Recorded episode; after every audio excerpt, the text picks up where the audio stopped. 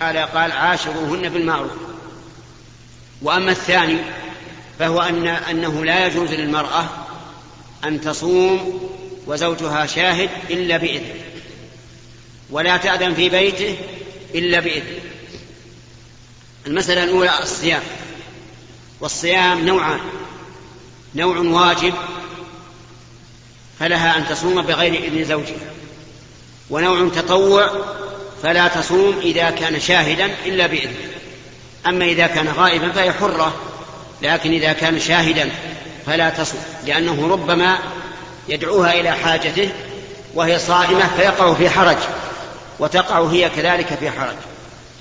أما إذا كان في صوم واجب كما لو كان عليها أيام من رمضان ولم يبق على رمضان الثاني إلا بمقدار ما عليها فهنا يجب عليها أن تصوم.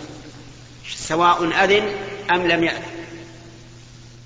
فمثلا لو كانت المرأة عليها من رمضان عشرة أيام ولم يبقى على رمضان الثاني إلا عشرة أيام فهنا تصوم. سواء أذن أم لم يأذن بل لو منعها من الصوم فلها أن تصوم. لأن هذا واجب. أما لو كان عليها عشرة أيام من رمضان وقد, وقد بقي على رمضان الثاني شهر أو شهران أو أكثر فله أن يمنعها من الصوم. ولا يحل لها أن تصوم إلا بإذنه. وذلك لأن الوقت واسع. وإذا كان واسعا فلا ينبغي لها أن تضيق على زوجها. وإذا أذن لها وسامحها وافق فإن كان الصوم واجبا حرم عليه أن يفسده بالجماع لأنه أذن فيه وقد شرعت في صوم الواجب فيلزمها إتمامه. وإن كان تطوعا فله أن يجامعها فيه ولو فسد الصوم لأن التطوع لا يلزم إتمامه. لكن لو قالت أنت أذنت لي وهذا وعد منك بأنك لا لا تفسد لا تفسد صومي وجب عليه الوفاء. وحرم عليه أن يفسد صومه. لقول الله تعالى وأوفوا بالعهد إن العهد كان مسؤولا. وأما قول ولا تأذن في بيته إلا بإذنه يعني لا تدخل أحدا إلى البيت إلا بإذنه. فإن منعها أن تدخل أحدا معينا وقال فلان لا يدخل عليك حرم عليها أن تدخله أن تدخله بيته لأن البيت له. وأما إذا كان رجلا واسع الصدر لا يهمه أن يدخل إلى أهله أحد فلا حرج عنه فلا يلزمها أن تستأذنه لكل واحد. والله موفق. قال رحمه الله تعالى باب تحريم رفع المأموم رأسه من الركوع أو السجود قبل الإمام. عن أبي هريرة رضي الله عنه أن النبي صلى الله عليه وسلم قال أما يخشى أحدكم إذا رفع رأسه قبل الإمام أن يجعل الله رأسه رأس حمار أو يجعل, أو يجعل الله صورته صورة حمار. متفق عليه. باب كراهة وضع اليد على الخاصرة في الصلاة. عن أبي هريرة رضي الله عنه أن رسول الله صلى الله عليه وسلم نهى عن الخصر في الصلاة. متفق عليه. باب كراهة الصلاة بحضرة الطعام ونفس ونفسه تتوق إليه أو مع مدافعة الأخبثين وهما البول وهما البول وهما البول والغائط. عن عائشة رضي الله عنها قالت: سمعت رسول الله صلى الله عليه وسلم يقول: لا صلاة بحضرة طعام ولا وهو يدافعه الأخبثان. رواه مسلم.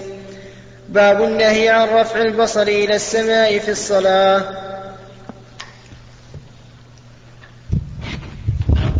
هذه أفعال بين النبي بين النبي صلى الله عليه وسلم حكمها فيما ساقه المؤلف من الأحاديث في كتابه رياض الصالحين. فالأول تحريم رفع المأموم رأسه قبل إمامه في الركوع والسجود. وذلك أن المأموم مأمور بأن يتابع الإمام فلا يتقدم عليه ولا يتأخر عنه ولا يوافقه ولكن يتابعه. فأما سبقه أي التقدم عليه فإن كان في تكبيرة الإحرام لم تنعقد الصلاة. يعني لو كبر للإحرام قبل أن يكبر إمامه إمامه ولو كان ناسيا أو ساهيا فإن صلاته لا تنعقد وعليه أن يعيدها. وإن كان في الركوع أو السجود يعني سبق الإمام في الركوع والسجود وهو متعمد يعلم أن ذلك حرام فصلاته باطلة. تبطل صلاته لأنه فعل فعلا محرما في الصلاة فبطلت صلاته كما لو تكلم. وأما الموافقة فأن يشرع مع الإمام إذا شرع في الشيء. مثلا يركع مع الركوع مع ركوع الإمام يسجد مع سجوده يقوم مع قيامه. فهذا إن كان في تكبيرة الإحرام لم تنعقد صلاته. وإن كان في غيرها فهو منهي عنه. قيل قال بعضهم مكروه وقال بعضهم حرام. وأما المسابقة بأن يأتي بالشيء قبل الإمام فسبق أنه في تكبيرة الإحرام لا تنعقد الصلاة. أما في الركوع والسجود فقد حذر حذر منه النبي عليه الصلاة والسلام في الرفع منهما. فقال أما يخشى أحدكم إذا رفع رأسه قبل الإمام أن يحول الله رأسه رأس حمار أو يجعل صورته صورة حمار. وهذا وعيد. يخشى أن الإنسان إذا رفع رأسه من الركوع قبل إمامه أو من السجود قبل إمامه أن يجعل الله صورته صورة حمار والعياذ بالله. أو يحول رأسه رأس حمار. وإنما اختار النبي صلى الله عليه وسلم الحمار دون سائر البهائم لأن الحمار أبلد ما يكون من البهائم. أبلد البهائم الحمار. ولهذا مثل به اليهود الذين حملوا التوراة ثم لم يحملوها. قال كمثل الحمار يحمل أسفارا. وهذا يدل على تحريم سبق الإمام في الرفع من الركوع والرفع من السجود. وكذلك السبق إلى الركوع أو السجود حرام على على المأموم. وأما التأخر عن الإمام فكما يفعله بعض الناس إذا سجد وقام الإمام من السجود تجده يبقى ساجدا يزعم أنه يدعو الله وأنه في خير وفي دعاء. نقول نعم أنت في خير ودعاء لو كنت وحدك. أما وأنت مع الإمام فإن تأخرك عن الإمام مخالف لهدي النبي صلى الله عليه وسلم. لقوله إذا ركع فاركعوا والفاء تدل على الترتيب والتعقيب. فالمشروع الإنسان أن يبادر وأن لا يتأخر. ويأتي بقية الكلام على الحديثين الأخيرين إن شاء الله.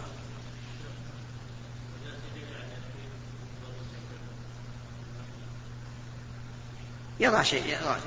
إذا كان الذي يسجد عليه يضر الجبهة يضع من غترته أو منديل أو ما أشبه ذلك. رحمه الله تعالى باب كراهة وضع اليد على الخاصرة في الصلاة.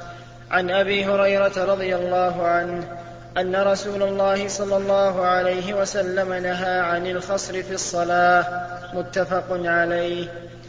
باب كراهة الصلاة بحضرة الطعام ونفسه تتوق إليه أو مع مدافعة الأخبثين وهما البول والغائط.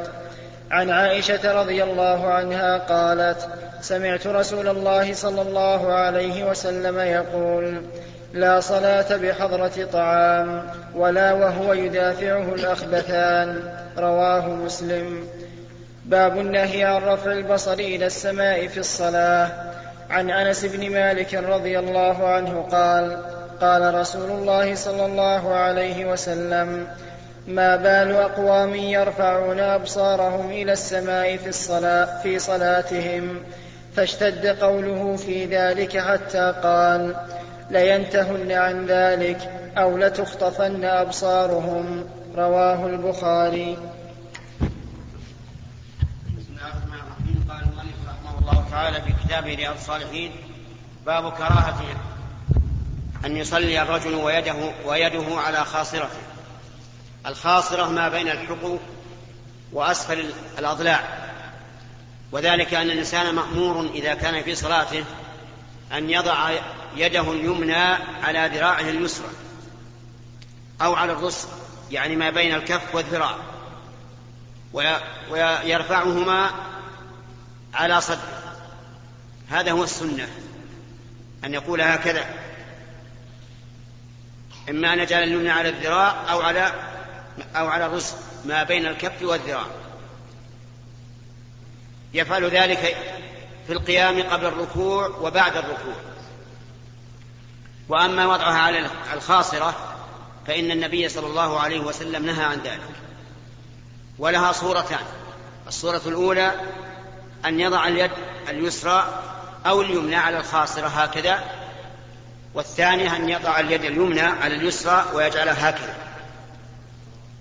كما يفعله بعض الناس ويدعي أنه يفعل هذا يجعل اليدين على القلب. وهذا غلط. الشرع ليس له مدخل في العقل. الشرع يتلقى من النبي صلى الله عليه وسلم.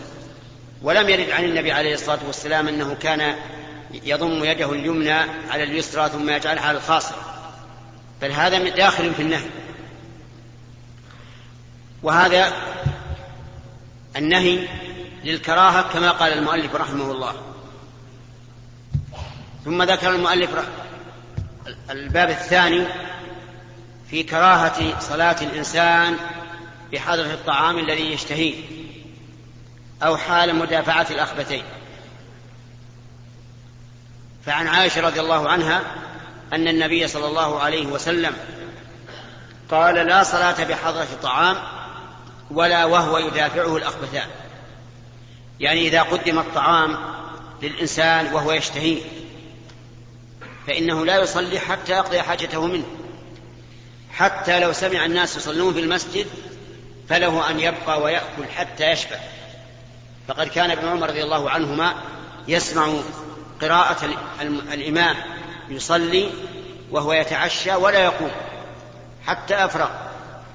وذلك لأن لأن الإنسان إذا دخل في الصلاة وهو مشغول القلب فإنه لا يطمئن في صلاته. ولا يخشع فيها. يكون قلبه عند طعامه. والإنسان ينبغي له أن يصلي وقد فرغ من كل شيء فإذا فرغت فانصب وإلى ربك فارغب. ولكنه لا ينبغي أن يجعل ذلك عادة له بحيث لا يقدم عشاءه أو, أو غداءه إلا عند إقامة الصلاة. الثاني لا, لا يصلي لا صلاة وهو يدافعه الأخبثان. البول والغائط. فإن هذا أيضا يذهب الخشوع لأنه لا يدري الإنسان أن يدافع البول والغائط الذي حصره أم يقبل على صلاته. ولأن حبس البول أو الغائط يضر البدن. فإن الله سبحانه وتعالى جعل للبول والغائط أمكنة متى امتلأت فلا بد من إخراجها. فكون الإنسان يحبس ذلك ضرر عليه. فإذا قال قائل لو ذهبت أت... لو ذهبت أقضي الحاجة فاتتني الصلاة. مع الجماعة قلنا لا بأس اذهب واقضي حاجتك ولو فاتتك الصلاة. ولو قال إذا ضاق الوقت وهو حسران ببول أو غائط هل يقضي حاجته ثم يصلي ولو فات الوقت أو يصلي في الوقت ولو كان مشغول القلب؟ ففي هذا خلاف بين العلماء. فذهب شيخ الإسلام ابن تيمية رحمه الله إلى أنه يقضي حاجته ولو خرج الوقت. لأن هذا ضرورة وفيه ضرر على بدنه لو حبسه. وقال أكثر العلماء لا لا يخرج الوقت من أجل ذلك بل يصلي ويخفف ولعله لا يتضرر لا يتضرر بذلك. أما الباب الثالث فهو كراهة رفع البصر. إلى السماء في الصلاة. كما رواه أنس عن النبي صلى الله عليه وسلم أنه نهى أن يرفع الرجل بصره إلى السماء. فقال ما بال أقوام يرفعون أبصارهم إلى السماء في الصلاة؟ يعني ما شأنهم؟ لماذا يرفعون أبصارهم إلى السماء؟ لينتهن عن ذلك أو لتخطفن أبصارهم. وهذا وعيد يدل على أنه يحرم على الإنسان أن يرفع بصره إلى السماء وهو يصلي. وقد رأيت بعض الناس إذا رفع من الركوع قال سمع الله لمن حمده ورفع بصره ووجهه وهذا حرام عليه. حتى إن بعض العلماء رحمهم الله قال إن فعل بطل الصلاة لأنه ارتكب منهيا عنه نهيا خاصا في الصلاة والقاعدة الشرعية أن من ارتكب شيئا منهيا عنه في العبادة بخصوصه فإنه فإن عبادته تبطل. ثم إن هؤلاء عللوا بعلة ثانية وقالوا إن هذا سوء أدب مع الله. والمطلوب من المرء وهو يصلي أن يخشع ويطأطئ رأسه. وقالوا أيضا في التعليل إن الإنسان مأمور بأن يستقبل القبلة في جميع بدنه. فإذا رفع بصره إلى السماء صار وجهه قبلة إلى السماء فتبطل صلاته. فالمسألة على خطر ولهذا اشتد قول النبي عليه الصلاة والسلام في ذلك حتى قال لينتهن أو لتخطفن أبصارهم فإذا قال قال إذا أين أضع بصري قلنا ضع بصرك حيث كان سجودك. حيث كان السجود ضع البصر. إلا في حال رفع السبابة في الدعاء في التشهد وبين السجدتين فانظر إلى السبابة لأن النبي صلى الله عليه وسلم حين رفعها لا يتجاوز بصره إشارته. واستثنى بعض العلماء رحمهم الله استثنى من ذلك النظر إلى الإمام ليقتدى به لا سيما إذا كان الإنسان لا يسمع ولا يمكن اقتداؤه بإمامه إلا بالنظر فإنه ينظر إليه لأن الصحابة كانوا يفعلون ذلك. وقد صعد النبي صلى الله عليه وسلم المنبر وجعل يصلي عليه وقال فعلت ذلك لتأتموا بي ولتعلموا صلاتي. ولا يمكن يحصل تعلم الصلاة إلا وهم ينظرون إليه. ولهذا كانوا يحكون اضطراب لحيته في قراءته في الصلاة السرية مما يدل على أنهم كانوا ينظرون إلى إمامه. واستثنى بعض العلماء إذا كان الإنسان في المسجد الحرام والكعبة أمامه فإنه يجعل بصره إلى الكعبة. ولكن هذا الاستثناء ضعيف. الصحيح أنه لا ينظر إلى الكعبة حال الصلاة لأنه لم يرد عن النبي عليه الصلاة والسلام ولأنه يوجب التشويش حيث ينظر إلى الناس يطوفون ويذهبون ويجيئون. ثم إن قول قول بعضهم إن النظر إلى الكعبة عبادة غلط ليس بصحيح. لم يرد عن النبي عليه الصلاة والسلام فيما نعلم حديث صحيح ولا ضعيف أن النظر إلى الكعبة عبادة. الله صلى الله عليه وسلم عن الالتفات في الصلاة فقال هو اختلاس يختلسه الشيطان من صلاة العبد رواه البخاري. وعن أنس رضي الله عنه قال قال رسول الله صلى الله عليه وسلم إياك والالتفات في الصلاة فإن الالتفات في الصلاة هلكه فإن كان لا بد ففي التطوع لا في الفريضة. رواه الترمذي وقال حديث حسن صحيح. قال المؤلف رحمه الله تعالى في كتابه رياض الصالحين باب كراهة الالتفات في الصلاة من غير حاجة. الإنسان إذا قام يصلي فإنه بين يدي الله عز وجل فلا ينبغي له أن يلتفت لا بقلبه ولا بوجهه إلى غير الله سبحانه وتعالى. أما الالتفات بالقلب فهو أن الإنسان يفكر في غير ما يتعلق بالصلاة مثل الهواجيس التي تعتري كثيرا من المصلين فإن هذا التفات بالقلب وهو أشد إخلالا بالصلاة من الالتفات بالبدن لأنه ينقص الصلاة حتى إن الإنسان ينصرف من صلاته ما كتب له إلا عشرها وقل حسب حضور قلبه. وأما الالتفات بالوجه فهو أن يلتفت الإنسان بلي عنقه يلوي عنقه يمينا أو شمالا وذلك لأن الإنسان مأمور في صلاته أن يكون وجهه تلقاء القبلة لا يمين يمينا ولا شمالا. فإن فعل فقد سألت عائشة النبي صلى الله عليه وسلم عن الالتفات في الصلاة. فقال هو اختلاس يختلسه الشيطان من صلاة العبد الاختلاس أخذ الشيء بخفية يعني أن الشيطان يتسلط على الإنسان في صلاته فيؤدي إلى أن يلتفت يمينا أو شمالا لأجل أن ينقص أجره. فإن الله سبحانه وتعالى مقبل على العبد بوجهه. فإذا أعرض الإنسان عنها عن ربه فإنه يوشك أن يعرض الله عنه. ولهذا نهى النبي صلى الله عليه وسلم عن الالتفات في الصلاة كما في حديث أنس بن مالك وقال إن الالتفات في الصلاة هلك.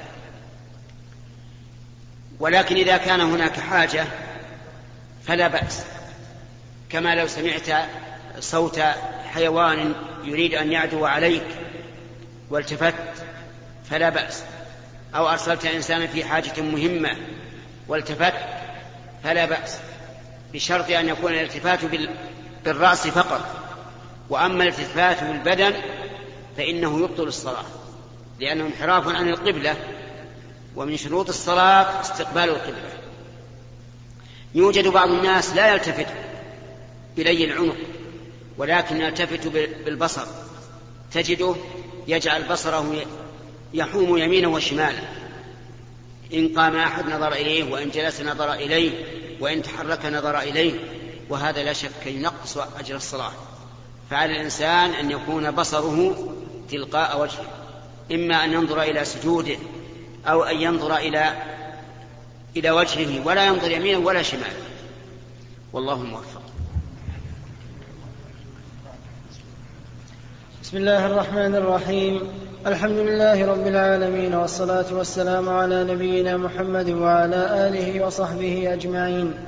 قال رحمه الله تعالى باب كراهة شروع المأموم في نافلة بعد شروع المؤذن في إقامة الصلاة. عن أبي هريرة رضي الله عنه عن النبي صلى الله عليه وسلم قال إذا أقيمت الصلاة فلا صلاة إلا المكتوبة. رواه مسلم. باب كراهة تخصيص يوم الجمعة بصيام أو ليلته بصلاة. عن أبي هريرة رضي الله عنه عن النبي.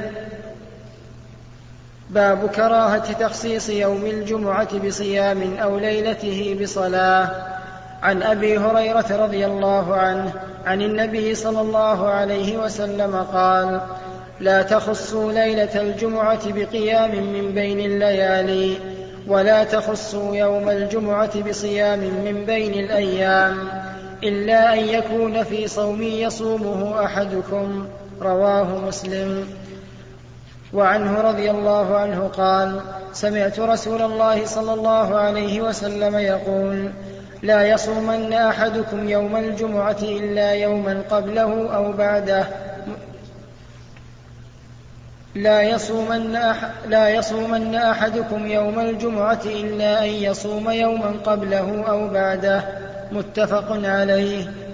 وعن محمد بن عباد قال سألت جابرا رضي الله عنه أنهى النبي صلى الله عليه وسلم عن صوم الجمعة؟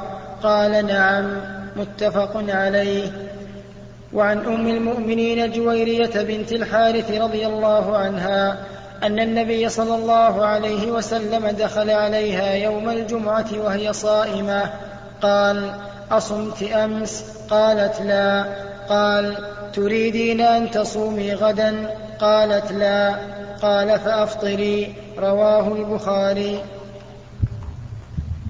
بسم الله الرحمن الرحيم. قال المؤلف رحمه الله باب كراهة شروع المأموم في نافلة بعد أن تقام الفريضة.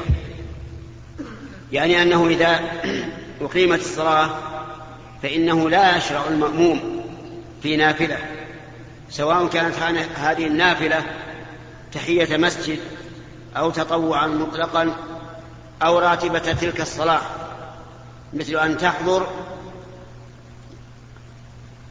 لصلاة الفجر فتقام الصلاة فلا يجوز أن تصلي سنة الفجر لأنها أقيمت الصلاة.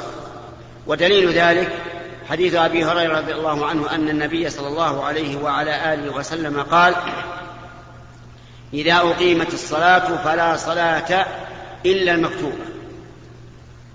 فقوله فلا صلاة عام يشمل أي صلاة كانت حتى لو كان على الإنسان فريضة فائتة نسيها ولم يذكرها إلا حين أقيمت الصلاة فإنه لا يصليها ولكن يدخل مع الإمام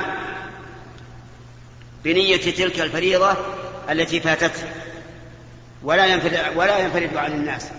فمثلا إذا أقيمت لصلاة العصر ودخلت ودخلت المسجد وأنت لم تصلي الظهر فلا تصلي الظهر لأنه أقيمت صلاة العصر لكن يدخل معهم بنية الظهر ثم إذا فرغت من صلاتك فصل العصر. ولكن إذا أقيمت وأنت قد شرعت في النافلة فهل تكملها أو تخرج منها؟ في هذا للعلماء قولان. القول الأول أنه إذا أقيمت الصلاة وأنت قد شرعت في النافلة فاقطعها ولا تكملها مطلقا. والقول الثاني كملها ولو فاتتك ركعة أو ركعتان أو كل الصلاة إلا مقدار تكبيرة الإحرام قبل السلام. والصحيح أن نقول إذا أقيمت الصلاة وأنت في نافلة فإن كنت فإن كنت في الركعة الأولى فاقطعها وإن كنت في الركعة الثانية فأتمها خفيفة.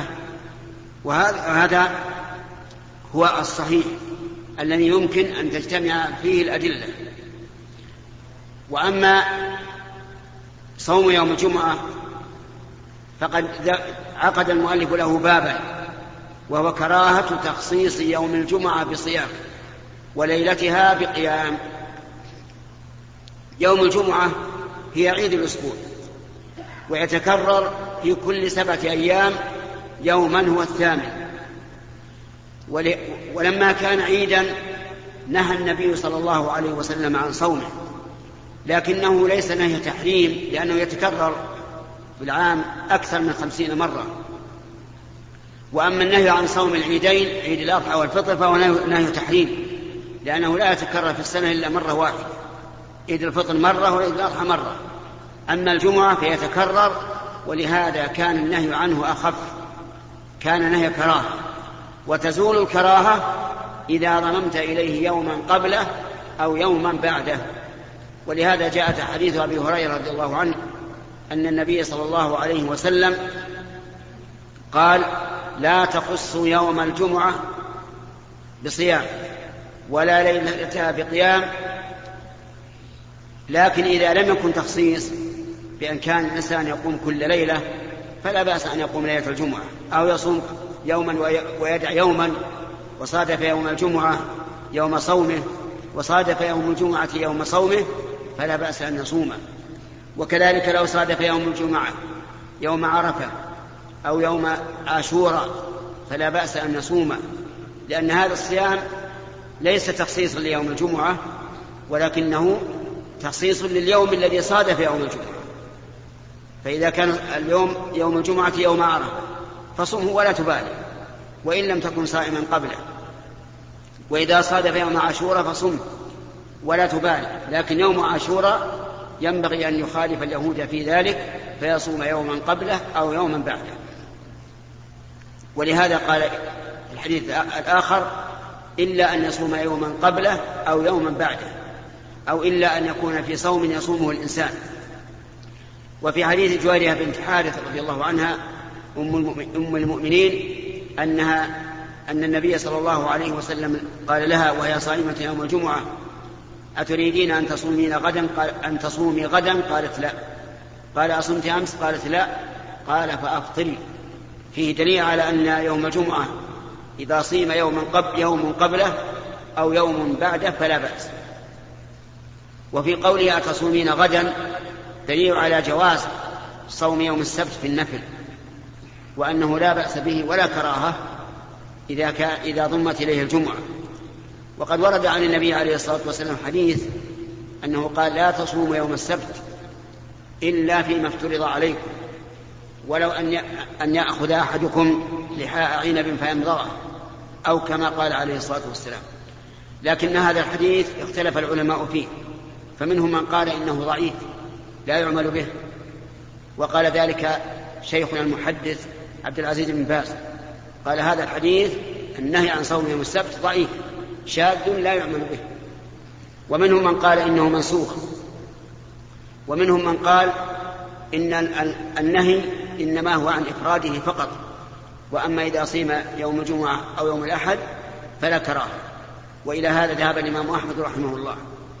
وعلى كل حال لو صامه فإنه لا إثم عليه. لكن الأفضل أن لا يصومه إلا مضموما إليه يوم الجمعة أو يوم الأحد. وحديث جويرية في الصحيح صحيح البخاري وحديث محمد بن عباد في صحيح مسلم. وكلاهما يدل على أن يوم صوم يوم السبت على أن صوم يوم السبت ليس محرما وأنه يجوز إذا صامت يوم الجمعة. وبهذا نعرف أنه ينبغي للإنسان أن لا يكون إمعة يقلد غيره. كلما ذكر غيره شيئا قلده بدون نظر في الأدلة وجمع بينها لأن بعض العلماء ينظر إلى ظاهر الإسناد فيحكم بصحة الحديث دون النظر إلى متنه والنظر إلى المتن أمر مهم لأن خطأ الواحد من الناقلين أهون من خطأ من الخطأ المخالف لقواعد الشريعة والمخالف للأحاديث الصحيحة الصريحة الواضحة التي هي أقوى سندا وأشد متنا. لهذا ينبغي لطالب العلم ولا سيما طالب الحديث المعتني به أن يتفطن لهذا وأن لا يحكم بصحة الحديث بمجرد ظاهر الإسناد بل لا بد من أن ينظر في المتن. هل يخالف القواعد المعلومة من الشريعة؟ هل يخالف الأحاديث التي رواها الثقات الأثبات الجبال في الحديث؟ فليحكم بشذوذه ولا يقبله. لأنه كما قلت لكم خطأ واحد في النقل أهون من خطأ الأئمة الأثبات أو خطأ القواعد الشرعية المرعية في الشريعة. على كل حال صوم يوم السبت تطوعا ليس حراما لكن ينبغي أن لا يصومه إلا أن يصوم معه يوما قبله أو يوما بعده. والله الموفق. قال رحمه الله تعالى باب تحريم الوصال في الصوم. عن أبي هريرة وعائشة رضي الله عنها أن النبي صلى الله عليه وسلم نهى عن الوصال. متفق عليه. وعن ابن عمر رضي الله عنهما قال نهى رسول الله صلى الله عليه وسلم عن الوصال. قالوا إنك تواصل. قال إني لست مثلكم إني أطعم وأسقى. متفق عليه. وهذا لفظ البخاري. باب تحريم الجلوس على قبر. باب تحريم الجلوس على قبر. عن أبي هريرة رضي الله عنه قال قال رسول الله صلى الله عليه وسلم لأن يجلس أحدكم على جمرة فتحرق ثيابه فتخلص إلى جلده. خير له من أن يجلس على قبر. رواه مسلم. باب النهي عن تجصيص القبر والبناء عليه. عن جابر رضي الله عنه قال نهى رسول الله صلى الله عليه وسلم أن يجصص القبر وأن يقعد عليه وأن يبنى عليه. رواه مسلم.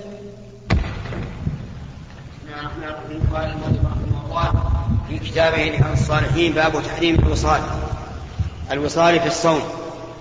ومعنى الوصال أن يقرن الإنسان بين يومين في الصيام فلا يفطر بينهما. والله سبحانه وتعالى قد حدد الصيام في قوله فالآن باشرون وابتغوا ما كتب الله لكم وكلوا واشربوا حتى يتبين لكم الخيط الأبيض من الخيط الأسود من الفجر ثم أتموا الصيام إلى الليل. قال ثم أتموا الصيام إلى الليل.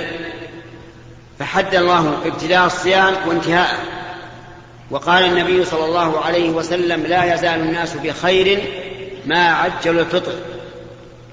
هذا هو المشروع أن الإنسان يبادر بالفطور ولا يتأخر. ولا يحل له أن ولا يحل له أن يواصل بين يومين لأن النبي صلى الله عليه وسلم نهى عن ذلك. وقال أيكم أراد أن يواصل فليواصل إلى السحر. فأذن صلى الله عليه وسلم بالمواصلة إلى السحر إلى السحر يعني وليتسحر في آخر الليل. وبهذا تبين أن للصائم ثلاث حالات. الحال الأولى أن يبادر بالإفطار بعد غروب الشمس وهذه هي السنة والأفضل والأكمل. والحال الثانية أن يتأخر إلى السحر وهذا جائز لكنه خلاف الأولى.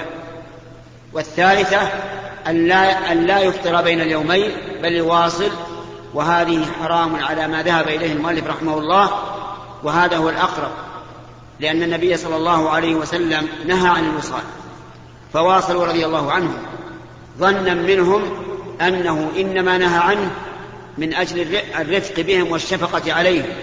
وقالوا نحن نتحمل فواصلوا فتركهم ثم واصلوا وواصلوا حتى هل الشهر شهر شوال.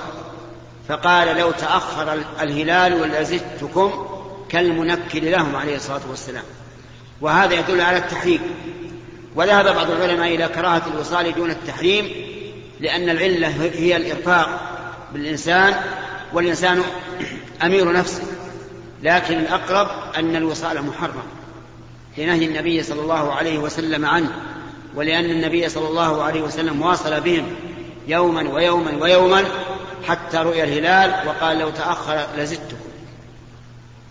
وما يفعله بعض السلف كما يروى عن عبد الله بن الزبير رضي الله عنهما أنه كان يواصل خمسة عشر يوما لا يفطر بينهما. فهذا اجتهاد منه ولا وتأويل ولكن الصواب ما دلت عليه السنة. ثم ذكر المؤلف رحمه الله تحريم الجلوس على القبر لأن القبر فيه إنسان مسلم محترم وجلوسك عليه إهانة له ولهذا قال النبي عليه الصلاة والسلام فيما رواه أبو هريرة لأن يجلس أحدكم على جمرة فتحرق ثيابه فتمضي فتخلص إلى جسده خير له من أن يجلس على القبر. وهذا يدل على التحريم وأنه لا يجوز للإنسان أن يجلس على قبر المسلم. وإذا أراد أن يجلس فليجلس من وراء القبر يجعل القبر خلف ظهره أو عن يمينه أو عن شماله. وأما أن يجلس عليه فهذا حرام. وضد ذلك الغلو في القبور. ولهذا نهى النبي صلى الله عليه وسلم أن يجصص القبر. وأن يبنى عليه وأن يكتب عليه. لأن تجصيصه يعني تفخيمه وتعظيمه وهو يؤدي إلى الشرك به وكذلك البناء عليه. فالتجصيص حرام. والبناء أشد حرمة والكتابة عليه فيها تفصيل.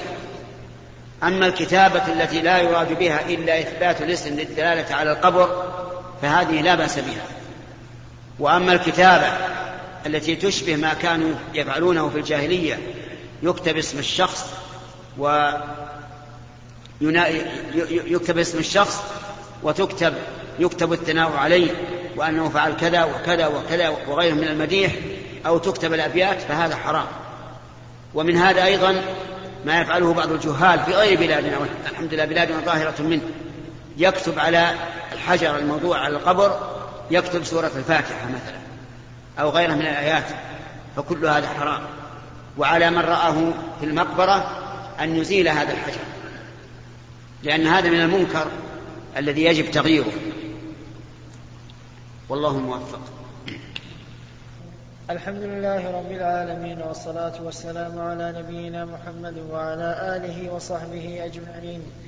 قال رحمه باب تغليظ تحريم إباق العبد من سيده. عن جرير رضي الله عنه قال قال رسول الله صلى الله عليه وسلم أيما عبد أبق فقد برئت منه الذمة. رواه مسلم.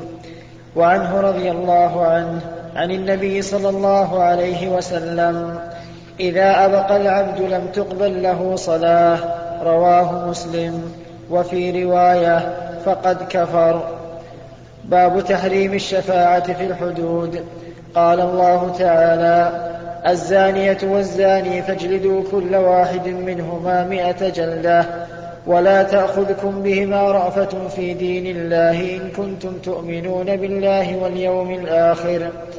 عن عائشة رضي الله عنها أن قريشا أهمهم شأن المرأة المخزومية التي سرقت فقالوا من يكلم فيها رسول الله صلى الله عليه وسلم فقالوا من يكلم فيها رسول الله صلى الله عليه وسلم؟ فقالوا ومن يجترئ عليه إلا أسامة بن زيد حب رسول الله صلى الله عليه وسلم فكلمه أسامة فقال رسول الله صلى الله عليه وسلم أتشفع في حد من حدود الله تعالى؟ ثم قام فاختطب ثم قال إنما أهلك الذين قبلكم أنهم كانوا إذا سرق فيهم الشريف تركوه وإذا سرق فيهم الضعيف أقاموا عليه الحد. ويم الله لو أن فاطمة بنت محمد صلى الله عليه وسلم سرقت لقطعت يدها. متفق عليه. وفي رواية فتلون وجه رسول الله صلى الله عليه وسلم فقال اتشفع في حد من حدود الله؟ فقال أسامة استغفر لي يا رسول الله. قال ثم أمر بتلك المرأة فقطعت يدها. بسم الله الرحمن الرحيم. الحمد لله رب العالمين وصلى الله وسلم على نبينا محمد وعلى آله وأصحابه ومن تبعهم بإحسان إلى يوم الدين. قال المؤلف رحمه الله في كتابه رياض الصالحين باب تغليظ تحريم إباق العبد. العبد يعني المملوك. وإباقه يعني هربه من سيده. وذلك أن العبد مملوك للسيد في ذاته ومنافعه. فإذا هرب فقد فوت على سيده ذلك. وقد وعد الوعيد وقد ورد الوعيد في هذا بأنه يكون كافر وأن الذمة برئت منه وأنها لا تقبل صلاته. فهذه ثلاثة ثلاث عقوبات والعياذ بالله. الأولى أنه برئت منه الذمة كما في حديث جرير وكلها من حديث جرير رضي الله عنه.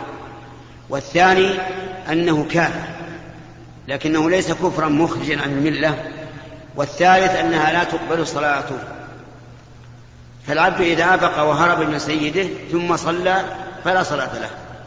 واختلف العلماء رحمهم الله هل صلاته غير مقبولة لا الفريضة ولا النافلة؟ أو أنها النافلة فقط. فمن العلماء من قال صلاته الفريضة مقبولة لأن زمنها مستثنى شرعا ولأنه سوف يصلي سواء كان عند سيده أو آبقا منه. ومنهم من قال إن الحديث عام ولا يمتنع أن يعاقب بذلك. ويكون المراد بنفي القبول بالنسبة للنوافل نفي الصحة نفي الصحة. بالنسبة وبالنسبة للفرائض نفي الإثابة وهذا جمع, حسن. أما الباب الثاني فهو تحريم الشفاعة في الحد أي فيما في العقوبة المقدرة شرعا واعلم أن العقوبات على الذنوب تنقسم إلى قسمين. عقوبات أخروية هذه أمرها إلى الله. وقد قال الله تعالى إن الله لا يغفر أن يشرك به ويغفر ما دون ذلك لمن يشاء. فكل ذنب سوى الشرك فإنه قابل أن يغفره الله عز وجل بفضله ورحمته. وأما العقوبات الدنيوية فهي أقسام كثيرة. منها أقسام معينة محددة في الشريعة. فهذه لا يجوز تعديها. فمثلا السارق تقطع يده ولا يجوز أن تقطع رجله مع يده ولا أن تقلع عينه ولا أن تفجر أذنه. لا يجوز أن يتعدى فيها ما حده الله ورسوله وهو إيش؟ قطع اليد. كذلك أيضا الزنا. إذا كان الزاني لم يتزوج من قبل فحده مئة جلدة وتغريب عام. تغريب عام يعني طرده من البلد. إلى بلد آخر لمدة سنة. هذا أيضا لا تجوز الزيادة فيه ولا النقص منه لأنه حد من الحدود. ومثل المحاربين لله ورسوله الساعين في الأرض فسادا. هؤلاء جزاؤهم أن يقتلوا أو يصلبوا أو تقطع أيديهم وأرجلهم من خلاف أو ينفوا من الأرض. هناك عقوبات أخرى غير مقدرة. هذه يرجع إلى رأي الحاكم يعني القاضي الشرعي أو من له أو من له تنظيم وتقنين العقوبات. هذه أمرها واسع. تارة تكون العقوبة بالمال.